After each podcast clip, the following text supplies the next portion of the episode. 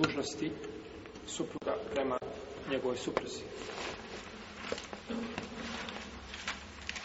Spominjali smo neke od tih dužnosti koji, se, koji su a, materijalne prirode, kao što je mehr.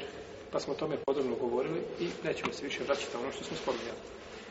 Imamo drugu vrstu dužnosti supruga prema supruzi, a to je husnul išrak a to je lijepo ophođenje, lijep suživot sa ženom.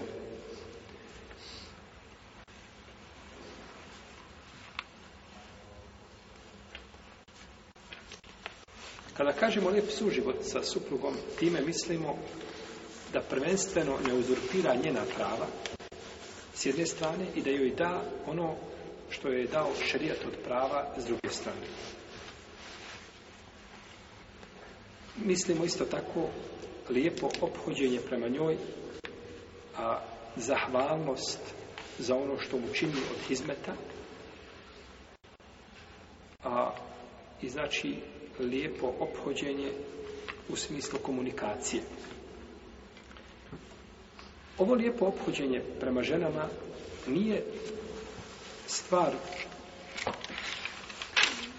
proizvoljne nekakve bolje pa da čovjek kaže ovaj, ja ću se opoditi prema svojoj supruzi lijepo zato što ovaj, e, ona to zaslužuje.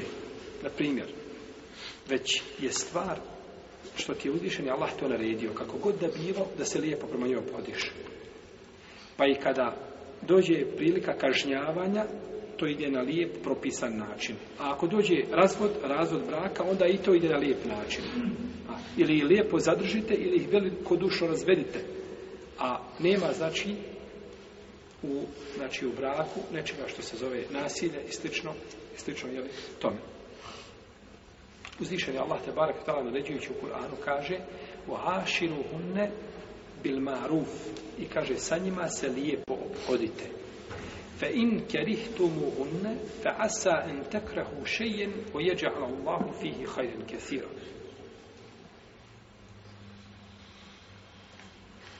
a, a sa njim prema njima se lijepo obhodite, a ako ih zamrzite, možda vi nešto mrzite, to je dobro po vas.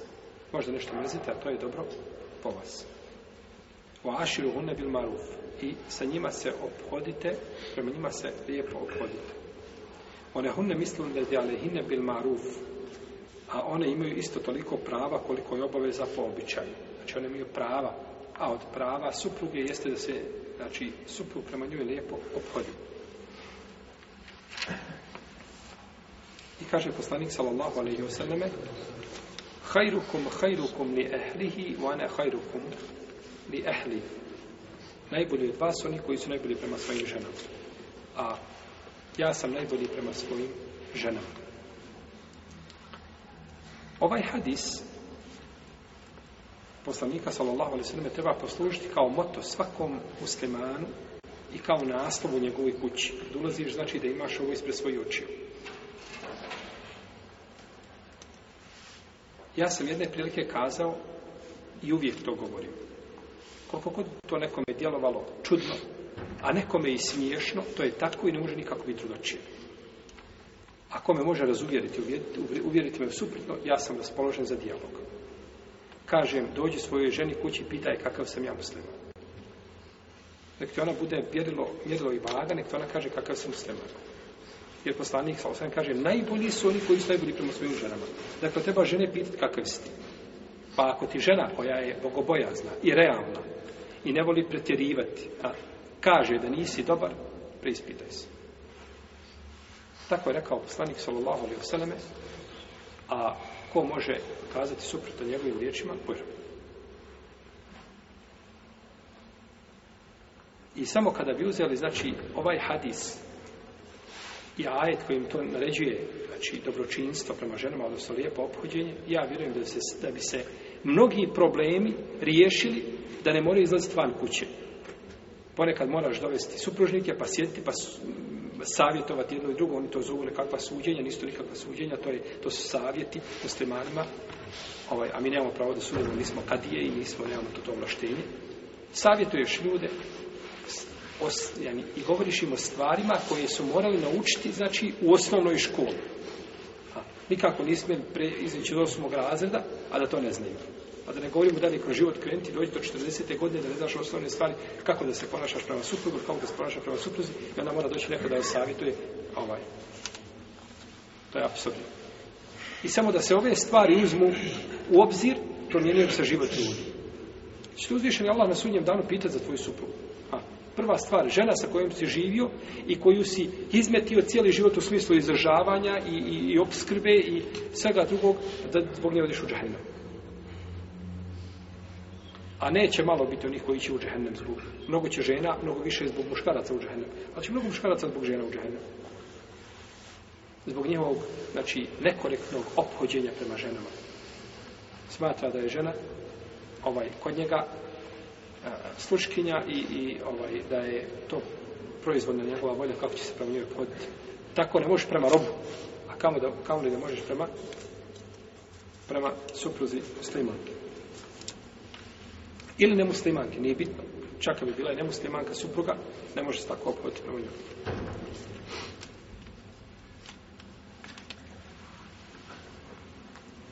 Kada smo spominjali ovo lijepo obhođenje, ono objedinjuje sve ova sve ova e, sve ove ove tačke koje ćemo spomjati nakon toga ali zbog njihove bitnosti i važnosti mi ćemo znači ići e, tačku po tačku i spomjećemo znači kada je u pitanju ovaj ophođenje ili prema suprugama, a koliko god problema prave žene muškarcima, ništa manje prave muškarci ili muževi ženama. Pa je o ovoj temaci treba govoriti obostrano.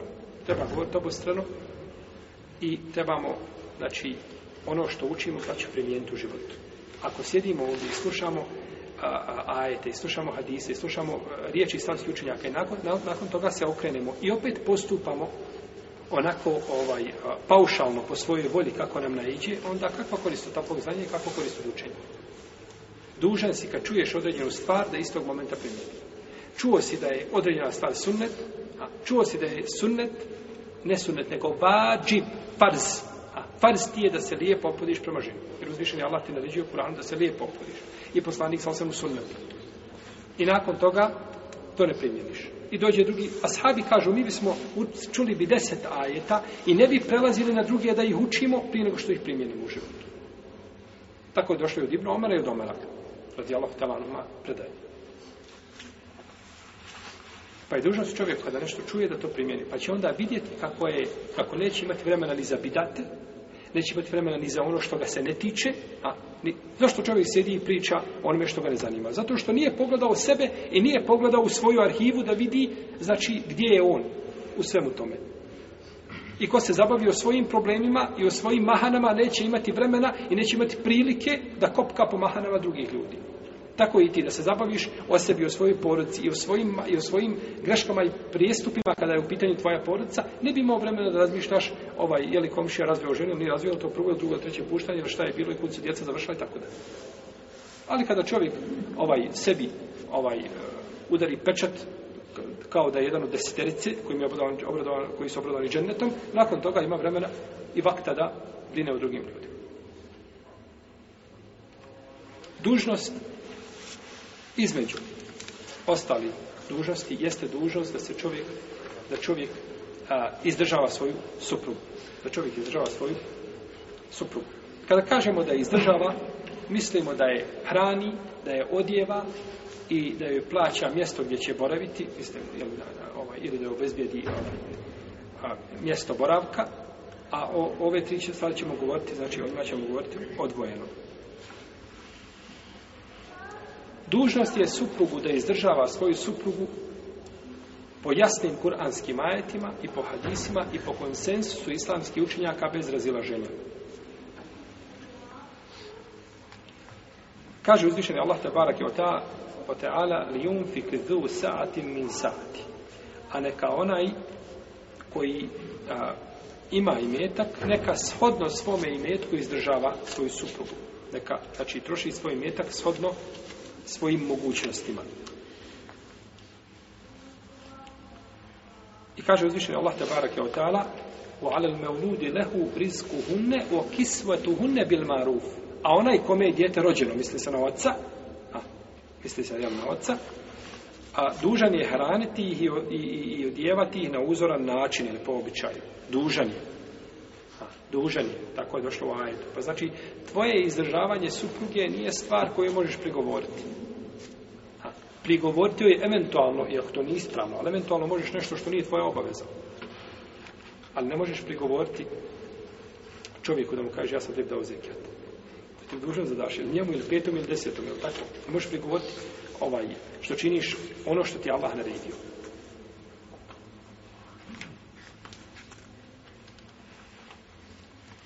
pa je čovjek dužan znači da izdržava svoju ženu a kaže Ibn Kesir u komentaru ovoga ajeta po običaju u smislu da ne pretjeruje, a da nema tu pretjerivanja, rasipanja i metka bez potrebe, niti da škrtari, nego znači da daje ono što je po običajnom pravu što se daje ženama. Običajna prava se, običaj se razila, eh, razliku jel, među ljudima, neće znači biti ni jedna ni druga krajnost.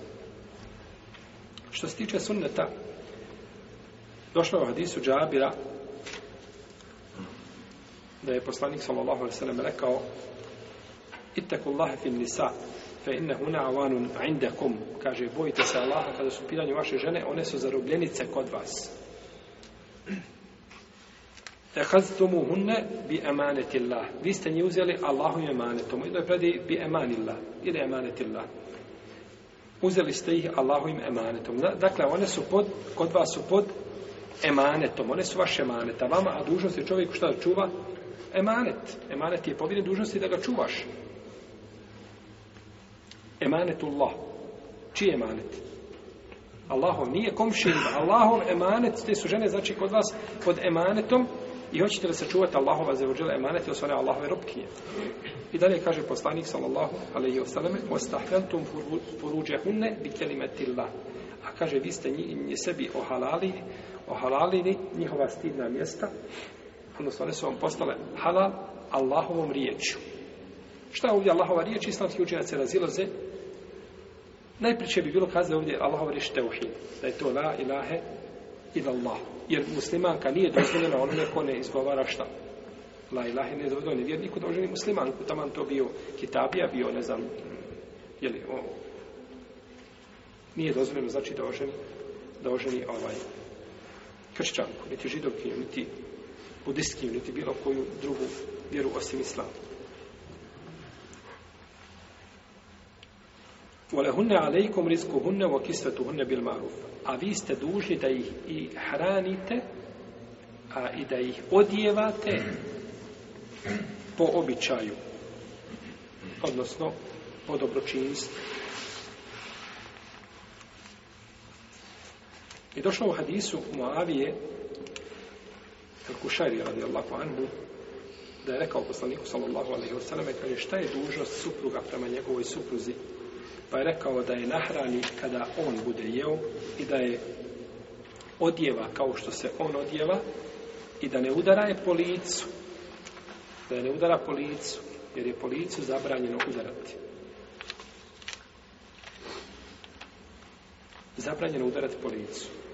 Znači, nema pravo čovjek da udari svoj suprug po licu. Ne to. Nema pravo da udari magare po licu. Znate šta je magare? Životinja prezrena. Nema je pravo udariti po licu. Jer je poslanik sa osam me vidio. Životinju vidio je magarca koji je žigosan na licu. Pa kaže, zar ne znate a, ko je ovo, ko je kaže ovo radio? Kaže, ne znam, Allah poslanič. Kaže, zar ne znate da sam ja prokleo onoga ko žigosuje hajvana ili ga udara po licu. Hajvana ne smiješ udara po licu. Pa šta je onda sa ženom? Kaže poslanik Hvala Saleme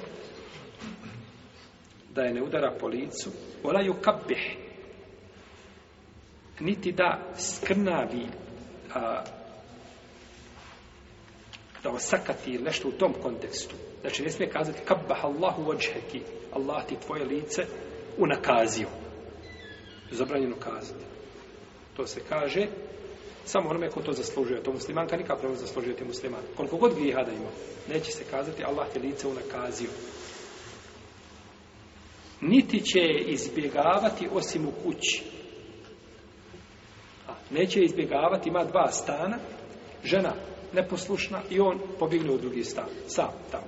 Sjedi ovaj, koji isposlik. Ne, pobjegao ženi ne, nego u istom stanu je izbjegavaš. Kazali smo ne u istom stanu, nego u istoj postelji. A, u istoj postelji. U istoj postelji. Znači, neće se ban postelji odbaviti. Ovaj hadis govori za kuću sada. Znači, u kući nemaš pravo da odeš šta u drugi stan. Ali kada dođemo u kuću, imali pravo da odeš u drugu sobu? Nema ni to, nego boravi ovaj. Jedino da mu prijeti nekakva opasnost, je li tako? Jer može žena, je li tako? Može srbna supruga. Kako nije? Pa, vidi da je Fata Orlović nasrnula policajice gore srpske. Ozljede ime, kakve nanilo tjelesne i tako dalje. Tako, ako žena u tako poznim godinama može ovaj slomit ovaj, tu najjaču strukturu države, onda može i žena eventualno, jel, može svome supru najeti ovaj, ozljede, tako? Pa je Fata terorista. Na srće je znači na, na, na, na, na ovaj, na, na, na, na službe bezbjednosti, što je protivno, jeli, ustavu Bosne i Hercegovine i zdravom razumu. Pa je Fata Orlović, znači, u tom kontekstu problematično. Neće, dakle, izbjegavati, osim kaže se šta u jednom, u, u jednoj kući. Pa je ovdje došla su, došlo je zabrana sudara po licu, da se skrnavi čast tog lica i da se o, bježi iz kuće. Jer bježanjem se neće riješiti problemu bježanjem problem se je samo turio po tepi. Kad se vratiš, samo se taj problem izvedi na polje. Tako, nije riješen problem. Problem se rješava dijalogom, razgovorom, pa na kraju krajeva razvodom braka, bolje ga je tako riješiti nego, nego ovaj a, a, biti ovaj loš primjer jeli, u društvu. Kaže Aisha radijallahu ta'ala da je došla Hind kod poslanika, Hind bin Utbe. Došla je kod poslanika, sallallahu alaihi sallam, i kaže mu, Allahu poslaniče, zaista je Sufjan, a Ebu Sufjan je čovjek a, šehih, čovjek koji je škrtec. Pojašnjavali smo kakva razlika je Bahila i šehih, je tako? To je kulminacija škrtosti, kada je u pitanju. Još. Kaže, ne daje nam ništa osim ono što uzmemo bez njegovog znanja. Što ja uzmem, što izvučem, negdje bez njegovog znanja, to je to, protiv ništa ne da. Pa kaže poslanik, kaže, hudi ma je kfiki u valedeki bil maluf. Uzmi ono što ti je dovoljno tebi i tvome djetetu, shodno halu i stanju ili običajnom pravu. Ono znači što ti je nužno i što treba, što je tvoje pravo, širijetski to uzmi. A nemoj uzimati mimo toga. Pa islamski učenjac znači spominju obavezu izdržavanja supruge ispominju konsensus pravnika na tome pitanju, osim ako žena iziđe van pokornosti muža, bude naš iz, ne znam, ovaj, znači nije mu pokorna, nego, nego živi nekakvim svojim životom, je tako? Onda, to je drugo pitanje. Što se tiče logike, i ona je dokaz ovdje, zdrav razum isto ukazuje, znači Kur'an, sunnet, konsensus pravnika, i zdrav razum to dokazuje, jer žena je u kući svoga supruga i ona ga služi izmeti ga, njegovu djecu, je tako? Govorili smo, znači, da je žena obaveza da služi svoga supruga, i zbog njega je, znači, u kući ima obaveza prema njemu, pa ne može ići sebi, je tako, u potrebu za obskrbu. Pa je potpuno logično i realno i objektivno da suprug izdržava svoju ženu tako? Ajša radijallahu ta'ala ono kaže, nisam postila u Ramazanu, kaže, pa sam bila zaposlena sa poslanikom, sallallahu alaihi sallam, kaže, skroz do narednog ovaj, e, e, šabana nisam, kaže, to ne postila.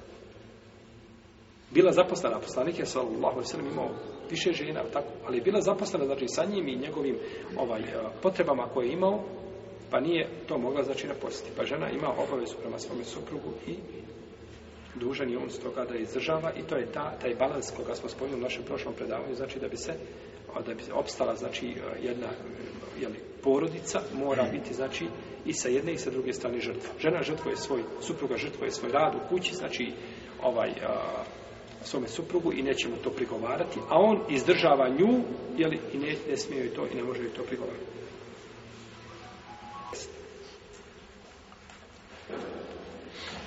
Dobro koliko je čovjek dužan ili koji je taj obim znači a, kada je u pitanju to izdržavanje znači koliko je dužan prema svojoj supruzi osnova su ovdje riječi Allah te barak je otala li um fi zu sa'ati min sa'ati da čovjek izdvaja shodno svojim mogućnostima koliko imaš a koliko imaš toliko izdvajaš kaže poslanik sallallahu alejhi ve selleme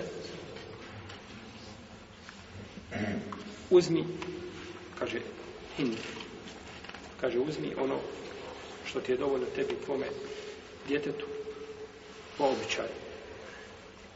Pa se ovdje bite, znači, dvije stvari.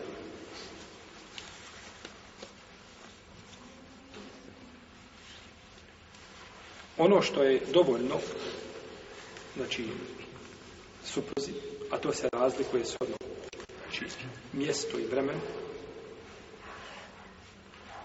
i mogućnost čovjeka.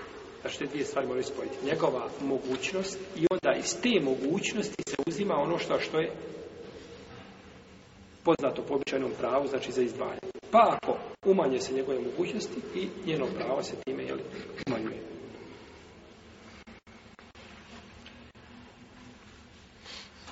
islamski učenjaci u islamski u ovaj tematika su znači puno govorili o ovoj tematici i pokušao da to definišu ali opet se stvar da će obraćao na ovaj a, stanje supruga i je li stanje supruge znači njih dvoje kako se stanju nalaze i na osnovu toga se znači mjeri koliko će se davati.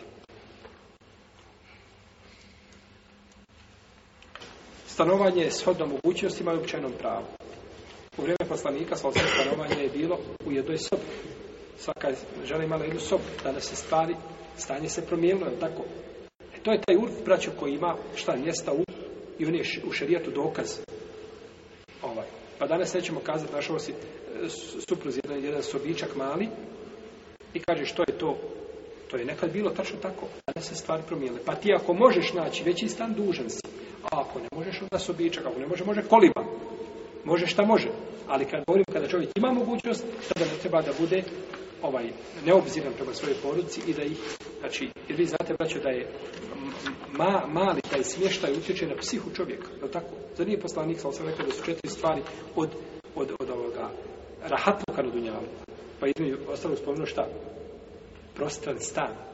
Pa prostran stan spomenuo. A poslanik je sam živio tako, nije bolje imao. I ljudi su to vrijeme, znači, tako živjeli. Pa se te stvari mijenjaju i ne treba čovjek analogno onome što je bilo, znači da postupa i danas. Jer to nisu stvari koje je Zišan Allah objavio kao vjeru ljudima. Morate živjeti u jednoj sobi, ne smijete šiti. To se razlikuje od vremena do vremena. To je, znači, e, to, to je više stvar, znači, dunjaluka nego što je vjere, iako vjera je li u svemu, u sve se upreće, u sve duboko zasjeca, u sve pore čovjeku u životu. Što se tiče odjevanja, islamski učenjaci složili bez razilaženja da je suprug dužan da znači, a, odjeva svoju suprugu.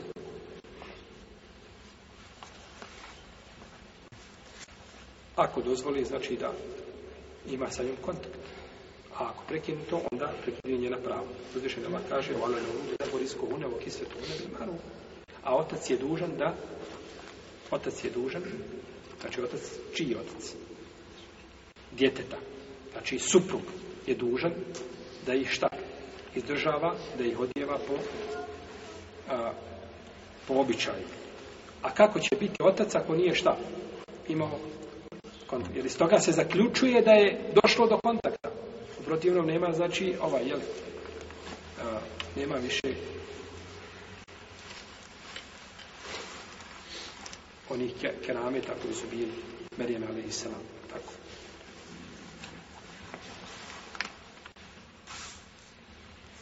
Ispavljeno su hadis džabira isto koji ukazuje na to da je tužan, da je hrani i da je odjeva shodno mogućnostima.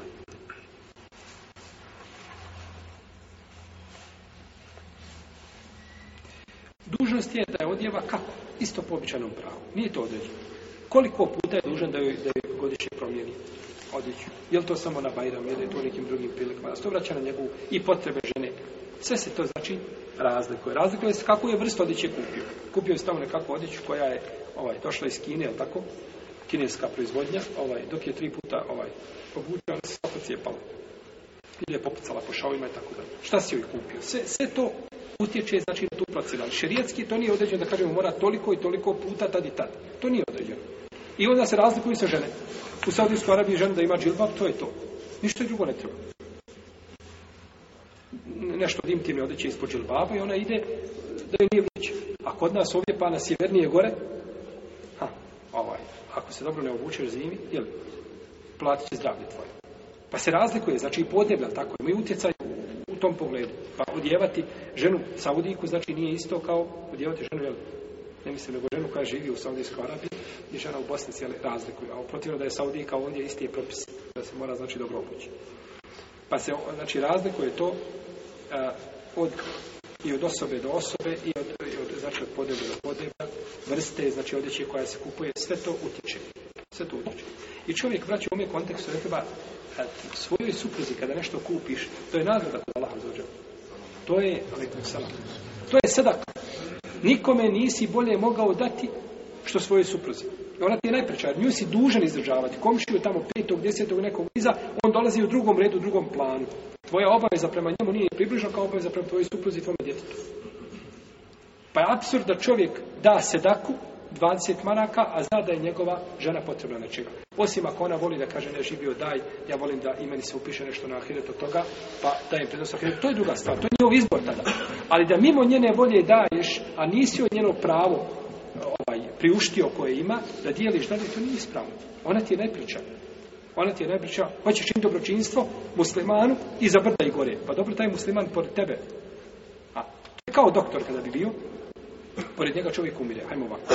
I javim neku telefonom, kaže ima tamo nekakav hitan slučaj u Zenici. I on kaže živ bio, ja moram u Zenici da vidim šta je. Pa dobro, ispred tebe čovjek je tu, taj je preći, ti si pored njega i on ima veće pravo nego onaj tamo. A kako onda kada je to pravo došlo od Allaha dođe, odnosno on ga, on, on je čovjek obavezati u pravo. Pa čovjek ima nagradu. Neka ne računa to što je dao svoje ženi, svome djetu, da je to izgubio. Pa to ide na vagu, dobri djela bolje nego da si dao nekome tamo iza. Iako ima i drugi pravo u svome mjetu, svakako, ali znači ako se gledaju prioriteti, onda je tvoja supruga na prvom mjestu svakako. Ili svakako nakon roditelja, jel? Jasna je stvar. Ako, ču, ako suprug a, pokloni nešto svojoj supruzi, da daju nešto, od, znači kupio nešto do djeće ili daju nešto što, što je za izdržavanje duža, nema pravo više da to vraća niti njegovi niti nasljednici, čak i nakon njene smrti. Znači nema čovjek pravo da da nešto ženi i razvede. Kupio je, ne znam, otišao nešto mu se srce otvorilo i u Turskoj kupio je deset džilbaba, kupio je odjeće, burnusa, oni ne znam više čega, njenog rublja, ovaj, jeli, koga oblači pre svojim suprugom ili pre ženama i tako dalje. I nakon toga razveo je nakon 15 dana, ljutio se razveo je i kaže, ne sad mi to sve vrati. Nema pravo na to. To je poklon. To je poklon i više se čovjek na to ne vraća. Jer ko se vrati na poklon, liči psu koji se vrati, vrati na ono što je povratio, pa jede to ponovno liče. To, to je gnusno da čovjek nešto daje da se nakon toga... To skupio radi Allaha za ođer. To skupio radi Allaha za ođer. Nemaš pravo ti, znači, više da to braći još. To bilo braću kao čovjek na prvi džamiju. Na prvi džamiju. Iz temelja oni sve napravi, pokrije. I došao dan otvorenja i posvađa sa džematskim odborom. Hoće on otvoriti onda dio. Ne kažu, ne možete jesti i napravi, ali neko će drugi otvoriti. I on, ka, i on se uzme i sruši svu tu džamiju i taj materijal vrati se kući. Napravio sto radi Allaha. Ma kakva korist nakon toga više da ono što si dao radi Allaha da to vraćaš sebi. To da više nije bilo radi Allaha. To je bilo neki drugi. Pa čovjek ono što da, treba da ima znači, svoje dostojanstvo i to više. U protivnom, nemoj davati živ bio ono što misliš vraćati. Yes.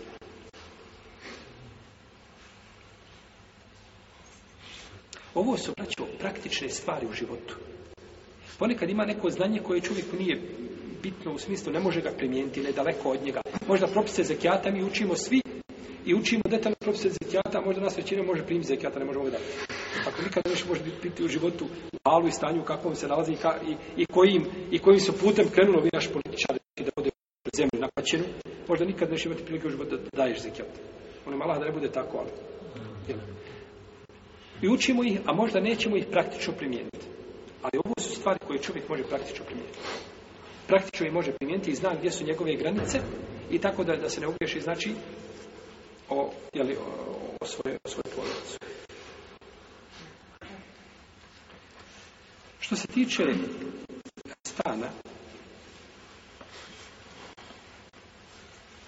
isto je tako dužan suprug po konsensu i slavskog učenjaka da izdrža, da, da obezvedi znači, stambeni objekat svoje supruze. Uzvišenje Allah je učinio ženi koja je razvedena a, pozivim brakom, znači ima čovjek pravo da je vrati, učinio je učinio je pravo znači da stanuje. Pa kamo li onda žena koja je znači supruga nije znači nije se desio razvod braka eskinu hun min hajthu sekentum min vujdikum i kaže a, njih ostavite da stanuju tamo gdje i vi stanujete prema, ili prema svojim mogućnostima pa znači dužnost je znači da obezbediš stanu, mjesto stanovanja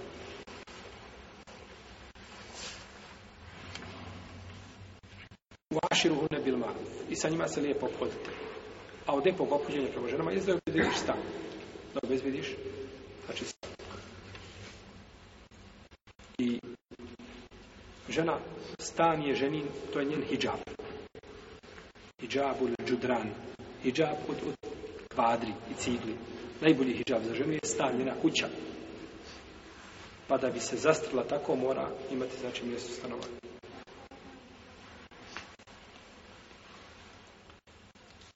mogućnost su opet ovdje u pitanju, nećemo ponavljati isto, isto kao kod odjevanja, isto kao pisane, znači ovdje su mjerodavne mogućnosti supruga. Nisu svi ljudi istoj mogućnosti, jer razlikuju se. Pa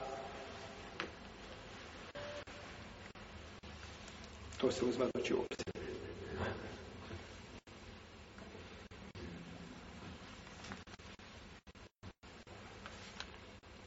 ovo je stavio u džumurole medicinski.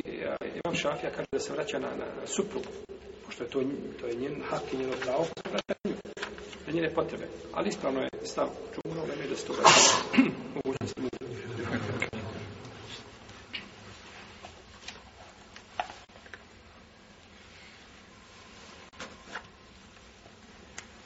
Došli smo do petog prava, da je čovjek dužan da se lijepo obhodi prema svojoj supruzi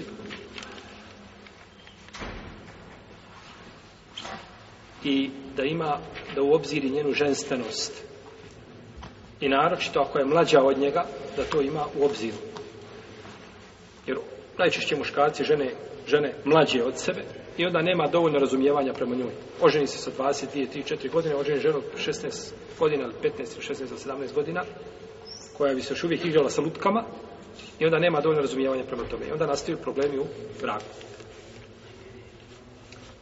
Pa je u tome poslanik sa osrame pogledu najbolji uzor, znači muškarcima. Najbolji uzor je Rasulullah sallallahu alaihi wa sallam. Kaže Aisha radijallahu ta'ala anha dolazle su habešije da se igraju u džamiji. Ne da se igraju, nego da, da vježbaju sa sabljama, jeli, ovaj, ratne te vještine i sl. tome, kaže, pa sam došla, stavim svoju bradu, kaže, na njegovo rame. I gledam. I gledam. Pa on kaže, ti dosta? Kaže, polako, lako, pa sam ne može urt. Sačka, ja bi još gledala. Kaže, pa ne bi nikad on prvi otišao. Nego bi, kaže, bila ja prva koja bi odustala. Ne bi se ono smakao. Kao što poslanik sam, kaže, s nekim rukovao, ne bi nikada on prvi pustio ruku. Nego znači pusti ruku, ona druga osoba. Tako je poslanik sa osam znači postupao sa Ajšom radi Allah dala. Kaže, pa zamislite, kaže, kakvo je mjesto imala jedna mala djevojčica kod poslanika sa osam u to vrijeme, kaže, gledajući dok se drugi igraju i zaboravljaju.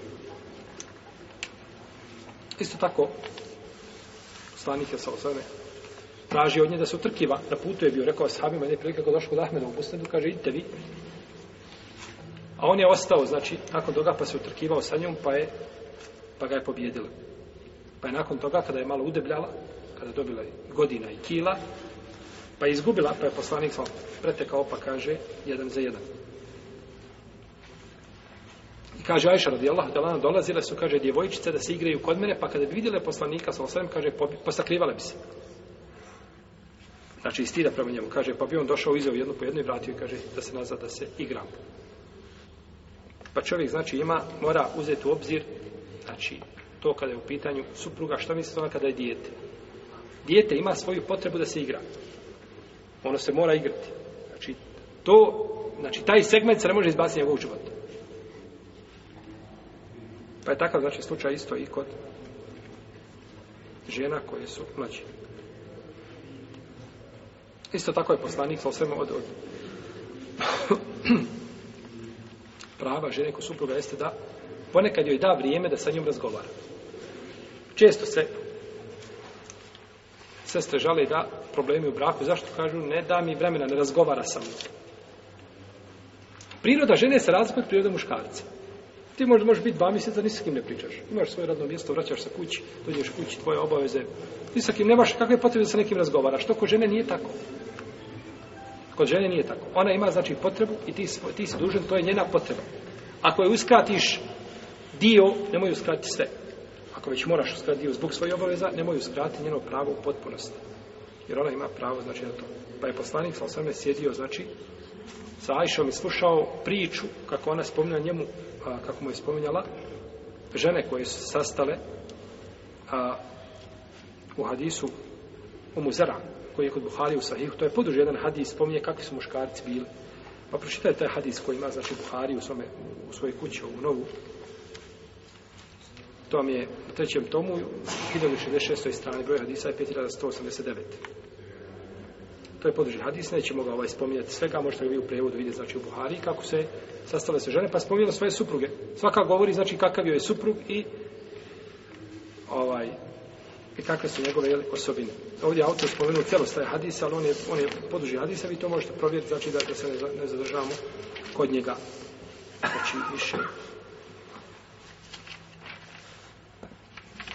od toga. Isto tako od obaveza supruga prema ženi jeste da, da je pouči vjer. Znači da je pouči vjer. Dužan je da se prema njoj lijepo obhodi i to je stvar jasna. I to se pravo često traži. Ali pravo da suprug pouči ženu, to se ne traži. Ili se rijetko traži da je on pouči ili da joj omogući da se pouči, da uči. A nikako, zatvoriš ženu u četiri zida, a ne, ne, ne, ne pocenjujući, znači ženeno je da bude tu, to je kuća je njen, najbolji hijab. Ali joj moraš omogućiti da uči, jer ko će ti odgajati djecu? Neuk, ne može odgojiti djecu. Kaže, djeca su mi neodgojena. A šta si ti uradio da ti bude odgojena? da ti djeca bila odgojena, moraš prvo odgojiti svoju supru. Znači moraš joj daći mogućnost da nauči. Kako će žena ispuniti svoje dužnosti prema teba, ne zna, ne zna a, kakve su dužnosti. Ili je to čula od tebe? Možda si ti to skrojio sebi ovaj, tako i osmislio na njoj, to je plasiraš kada je žena, ovo ti je dužnost. Ona nije ubijeđena da je to dužnost. A da je čula da je to hadis i da je to tako omer, taže je u Bekri, Osmani, Ali i drugi ashabi, da je to praksa bila muslimana kroz generacije, kad je to je, to je tako islam, to ja moram raditi. Pa je dužnost, znači, čovjeka da pouči svoju suprugu i da joj... Jer bit će čovjek pita. Ja, ejuhel ladina amenu, ku enfusekum wa ehlikum nara wa kuduhan nasu ehiđa. Čuvajte sebe, o vjernici, čuvajte sebe i porodice svoje, vatre džehennemske, čije će ljudi goju, čije će goju ljudi i kamenje biti. Sebe i svoje porodice. Pa je čovjek odgovoran za svoje porodice, on je pastir, on je pastir u svojoj porodice, bit će pitan, znači, za svoju porodicu. Jedne je večeri poslanik, sa sam ustao i kaže, neka je slavljen Allah, koliko se je ove večeri fitne taj nereda spustilo na zemlju. I kaže, koliko je samo riznica otvoreno, probudite, kaže, sawaši bun huđa. Probudite, eqidu, sawaši bun huđa. Probudite, žene po sobama, misleći na svoje žene, kaže da, jel da klanjaju, jer kaže, možda je žena koja na ome svijetu oblači prozirnu odjeću ili usku ili tijesnu, bit će gola na sudnjem dan. Prvbek ja sjetim fit dunija arijetom fil ahire. Znači, može biti pokrivena na dunjalu, otkrivena šta? Na ahiretu. Jer ona je pokrivena samo u jezičkom smislu, a nije u širijetskom. I kaže poslanik, sallallahu alaihi vseleme, o hadisu koga bližima mahnice dobrim lancem prenosilaca, Allah se smilovao čovjeku koji najveće ustane da klanja po noći, i probudi svoju ženu, pa ona mu se ne odazove, odbije, pa je malo popršće vodom po licu. A isto tako i žena koja ustane da klanja noći namaz, pa ne probudi supruga, malo ga popršće vodom po licu, da ustane da klanja. A ona najbolje zna svoga supruga, ali tako? Znači, nije ispravno praktikovanje suneta, ako znaš to naprijed belaje. Volim to ako znaš znači da ćeš ovaj možda ta posuda koja ti je voda u njoj da će ti na glavi završiti onda bolje ostavi ga kako jest Jel tako? Jel imate ljudi kojima najbolje da spavaju kad spavaju onda je, oni su najbolji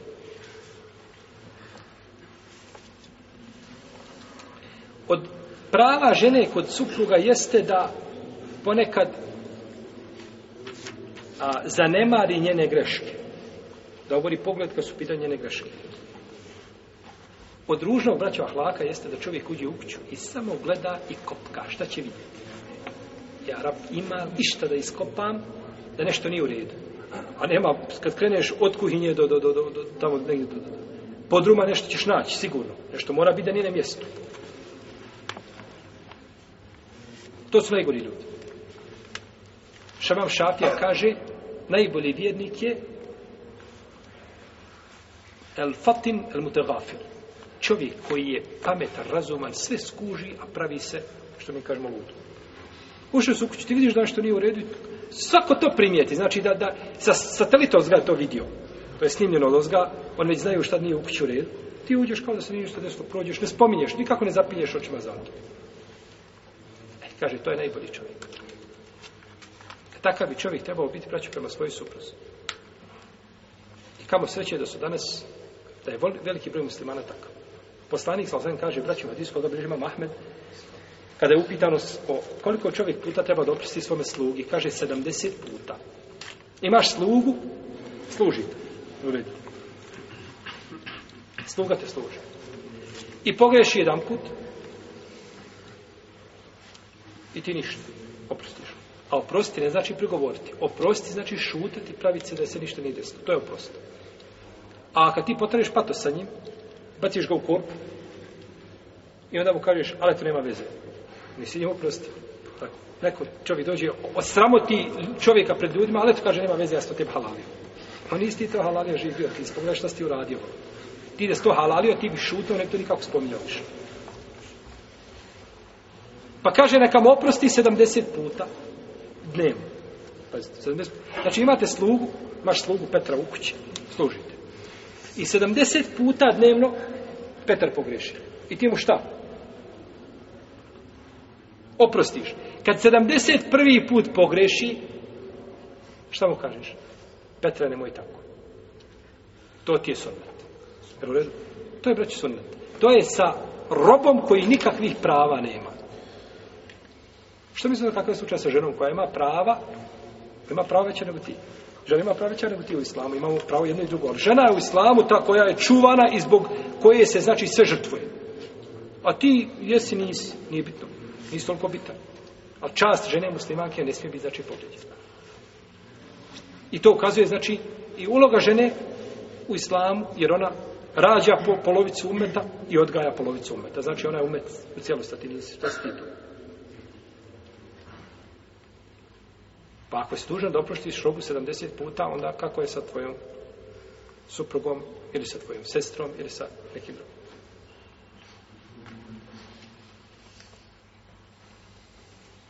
A pogledaj, braći, kako je islam lijep na riječima. Hadisi, svega ima, ma svega, biraj šta hoćeš. A kad dođe da to čovjek prati u svome životu, to je teže prenijeti neku za određene ljude nego brdo smjesta, nego bjelašnicu mu prenijeti, prenijeti mjesta na drugu. To treba primijeti. To je islam. Islam od nas hoće praksu, praktično. Ako si čuo večeras da 70 puta trebaš oprostiti robu, odmah večeras mijenjaš svoj život. Odmah onu crnu stancu pokidaš, ma pa jedna bijela i napišeš idemo iz početka, sada se ovako čovjek ponaša. Protivnom, slušaš i ništa ne primjenjuješ i na sudnjem dan dođeš, ne možeš kazati, Allaho, nisam znao, znao si, ali nisi tio. I to je vid oholost. Da saznaš propis i nešto da ga praktikuješ. Aj, može čovjek doći propis dva, tri, da, ali da, da, da većina propisa dolazi kako dolazi, tako prolazi. To je nespre. Kaže poslanik sa osveme, neka vjernik ne prezire vjernicu zbog postupka koju vidi pri njoj. Zbog kuluka. Jedne osobine njene. Kaže, ako vidi nešto što mrzi pri njoj, vidit će drugi hrpu stvari što voli. Tako? Hanumat ima jedno, dvije, tri mahane. Možda imaš više od nje. Tako. Ali kada pogledaš dobre stvari, vidiš da ima dobri strana, da je puno više nego čega nego loši. I pored toga, čovjek zbog tih ovaj, a, protivnom traži štep huri na, na dunjalu, gdje je nema. Nisu još počeli dolaziti vamo dobro. Jeste. da ne uznemirava svoju ženu fizički, fizičkim nasrtama, udaranjem kaže poslanik sa osrame, i neka ne udara po licu i neka ne skrnavi čast lica.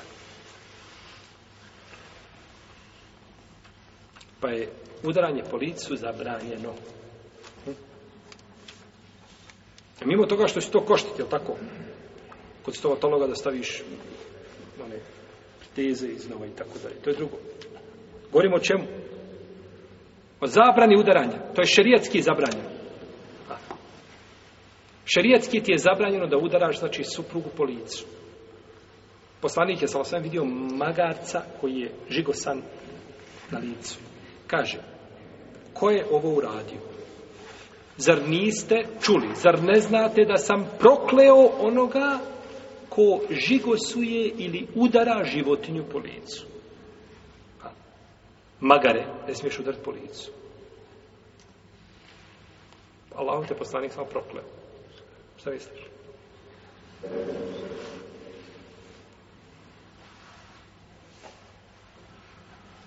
A kako onda kada je u pitanju žene? Supru. Nema udaranja. Nema udaranja nikako. A policiju pogotovo. To je paganski način rješavanja problema i ovaj osvete.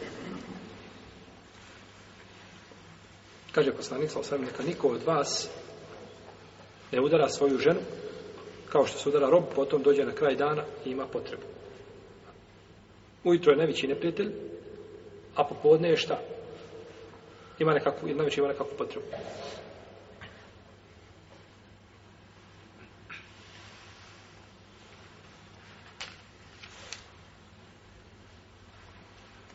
Čovjek izvjeđa ženu raznoraznim imenima.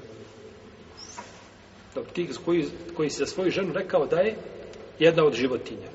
Šta si ti? Evo red.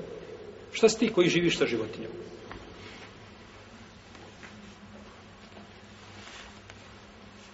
Dalje, ako izbjegava je da izbjegava samo u kući, kaže poslanik, sam sam neka ne udara je po licu, neka je ne skrnavi čast lica i neka izbjegava samo u kući. Znači onaj hedžer kad ima, on biva samo u kući, ne na polju, ne na ulici. Ja sam dulce, ja sam trekao da neću pričati s tobom, biš mi s očiju. Nego, znači, u kući. Problem je u kući u zidovima. Ne treba znati ni tvoj babo, ni tvoja, znači, ni, ni njen sveka, ni svekrva, ni tvoj punica. Ni punica, ni puna. Niko ne treba to da zna. To je među vama problem. Ni djeca to ne treba znati. To je, znači, problem. Među supružnicima ne treba to da zna, znači, okoliš. Jer problem kada iziđe van kuće, on se teško rješava. I zato je žena nakon, a ide ta propisano da bori u kući svoga supruga i on je vrati, dok je sa strašću zagrli, vraćeno mu je gotovo. A niko ne zna. A da izilje to van kuće, eto, bela je problema i onda, ovaj, dok ima tu treći faktor, problem se teže rješava.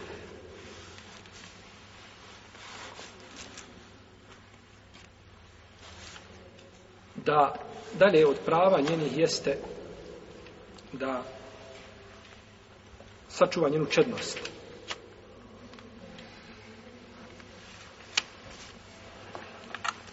Ovdje autor kaže da je Osman ibn Mazlun, da je poslanik, sam rekao njemu, kaže, inne li jehlike alejke hakan, kaže, tvoja porodica ko se ima pravo.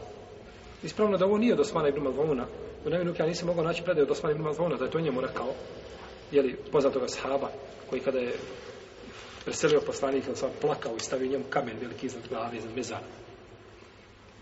To je poznato da je to da Abdullah ibn Amra ibn Nas, pa se oženio, Pa nije, znači, ništa, on se oženio i nije prilazio svoj suprez nikako, nego samo klanjao u proći cijelo večer i postio cijeli dan.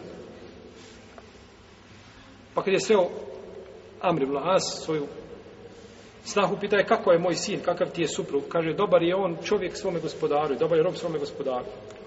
A kaže, što se tiče mene, lemju fetiš kenefa. Kaže, moju postelju nije prevrtao to je simbolično ukazuje on ne spava kod mene on ima tamo nekakav kutak gdje spava i to je njegov njegov, njegov ibade gdje čini pa je poslanik osudio i kaže inne li ehlike inne li ehlike alejke haka kaže tvoja žena ima ko sebe pravo znači da sačuvaš njenu čednost pa žena ima znači pravo kod supruga i ispravno je mišljenje kod islamske učenja kada je čovjek dužan da ima odnos sa svojim suprugom sve druga mišljenja koja su mimo toga nisu jaka. Šeho sam im temio odabro to mišljenje da je dužan čovjek da ima odnos sa svojim suprugom, da je sačuva nemorala kao što ona dužna prema njemu da ispuni svoja, svoje obaveze. E sad taj vremenski period koliki je neki kažu četiri mjeseca, manje više, najmanje da mora biti u tome, ispravno je opet nešto drugo. Ispravno je da treba biti shodno potrebi i mogućnosti. Potreba sa strane supruge i mogućnost sa strane muža i da se to uskladi i na tome, znači, počivaju i završavaju prava i dužnosti supružnika. Dalje, od njenih prava jeste da dozvoli da dozvoli da ide u džamiju ako zato je dozvol za izlazak. I o tome smo govorili u pogledu namaza. Nećemo to ponavljati. Isto tako, od njenih prava ili njegovih dužnosti prema njoj jeste da ne, ne širi te ovaj, ovaj, eh, tajne koje su i supružnicima, naša kada je u pitanju intima njihova i o tome smo govorili pravima supruga. Od prava žena jeste da se uljepšavaju muževi njima. Kako? da muž u svojoj kući bude isto kao što žene traži. Čovjek traži od svoje supruge da bude kod kuće ga dočekao u lijepom izgledu, je tako? Lijep, pohvala, to je šerijetski. A ti dolaziš sa bauštele, cijeli dan radio, na let, preznojio se 30 puta i onda ulaziš u kuću i samo sjedneš onako kao ti trebaš sebi napraviti hodnik s vrata kućni u kupatilu. Istuširaš se lijepo, namirišeš se i onda iziđeš među svoju porodicu. A ne samo mirišeš, pojdeš napolje kad pojdeš na džumuji, a u svojoj si kući ovaj, ne, Ibn Abbas kaže, ja se uljepšavam svojoj ženi kao što se ona uljepšava mene. Pa supružnici trebaju da vide jedno od drugog, samo lijep prizor, a nikako da se vide u ružnom, znači nekako objeli. Halu.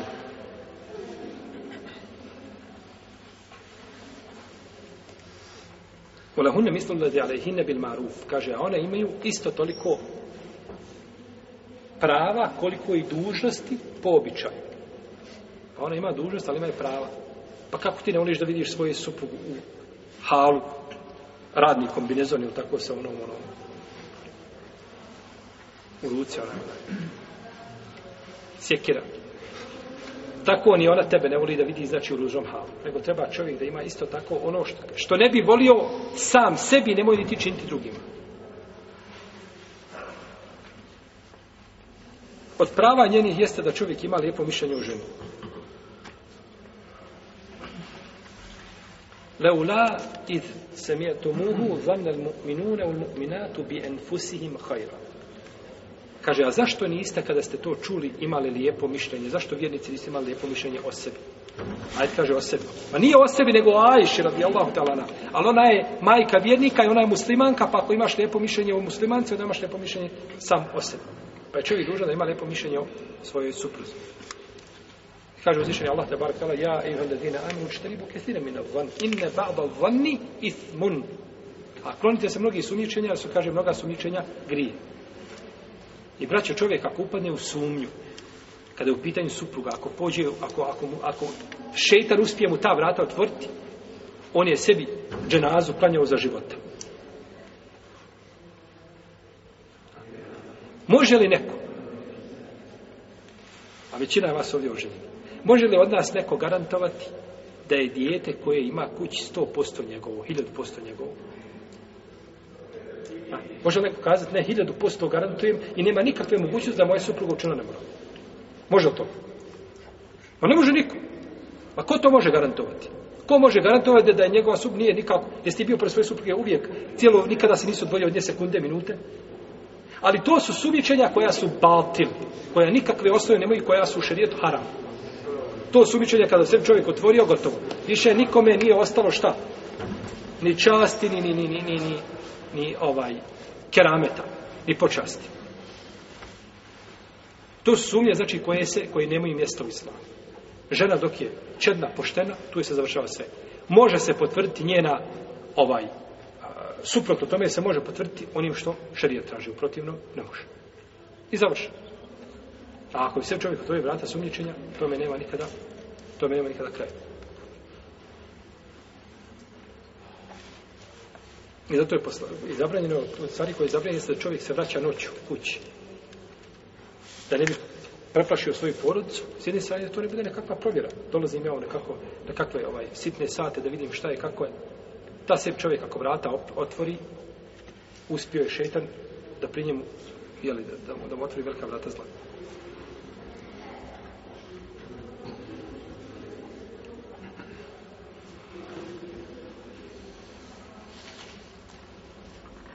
Kada je poslanik Ebu Bekru ušao kod svoje supruge, Esma bintu Meis, našao je kod nje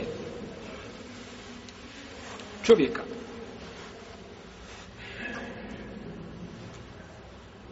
Pa je došao poslaniku, zlata. kaže, Allah posljednje, našao sam tako čovjeka, a kaže, nisam vidio nego dobro. Pa je poslanik rekao, kaže, nju je Allah očistio toga.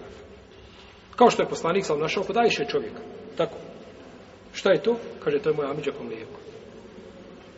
Ili da će da iđe po mlijeku. Po mlijeku. Ne znaš šta je osoba, ne znaš kako je. Znaš, stvari moraju biti provjerene. Nikako, na osnovu samo viđenja, vidio se čovjeka, ide sa ženom, sjedi sa njom i odmah na osnovu toga se sva priča. Možda mu je tetka. Da tako. Možda mu je sestra po mlijeku, možda je, možda je, možda je hiljade nekakvih razloga i možda ima ovaj mogućnosti, pa treba čovjek znači da ne žuri ovaj sa osudom, dok se ne potvrdi. Pa je onda poslanik, sam sam rekao, kaže, neka ne ulazi čovjek kod žene sam, ako sa njim nije još jedan od dvojice. Pa da dvojica uđu kod žene u kuću, dvojica ljudi ne smeta, ili trojica ili više. Da čovjek bude praveden između žene i i njenih inuća.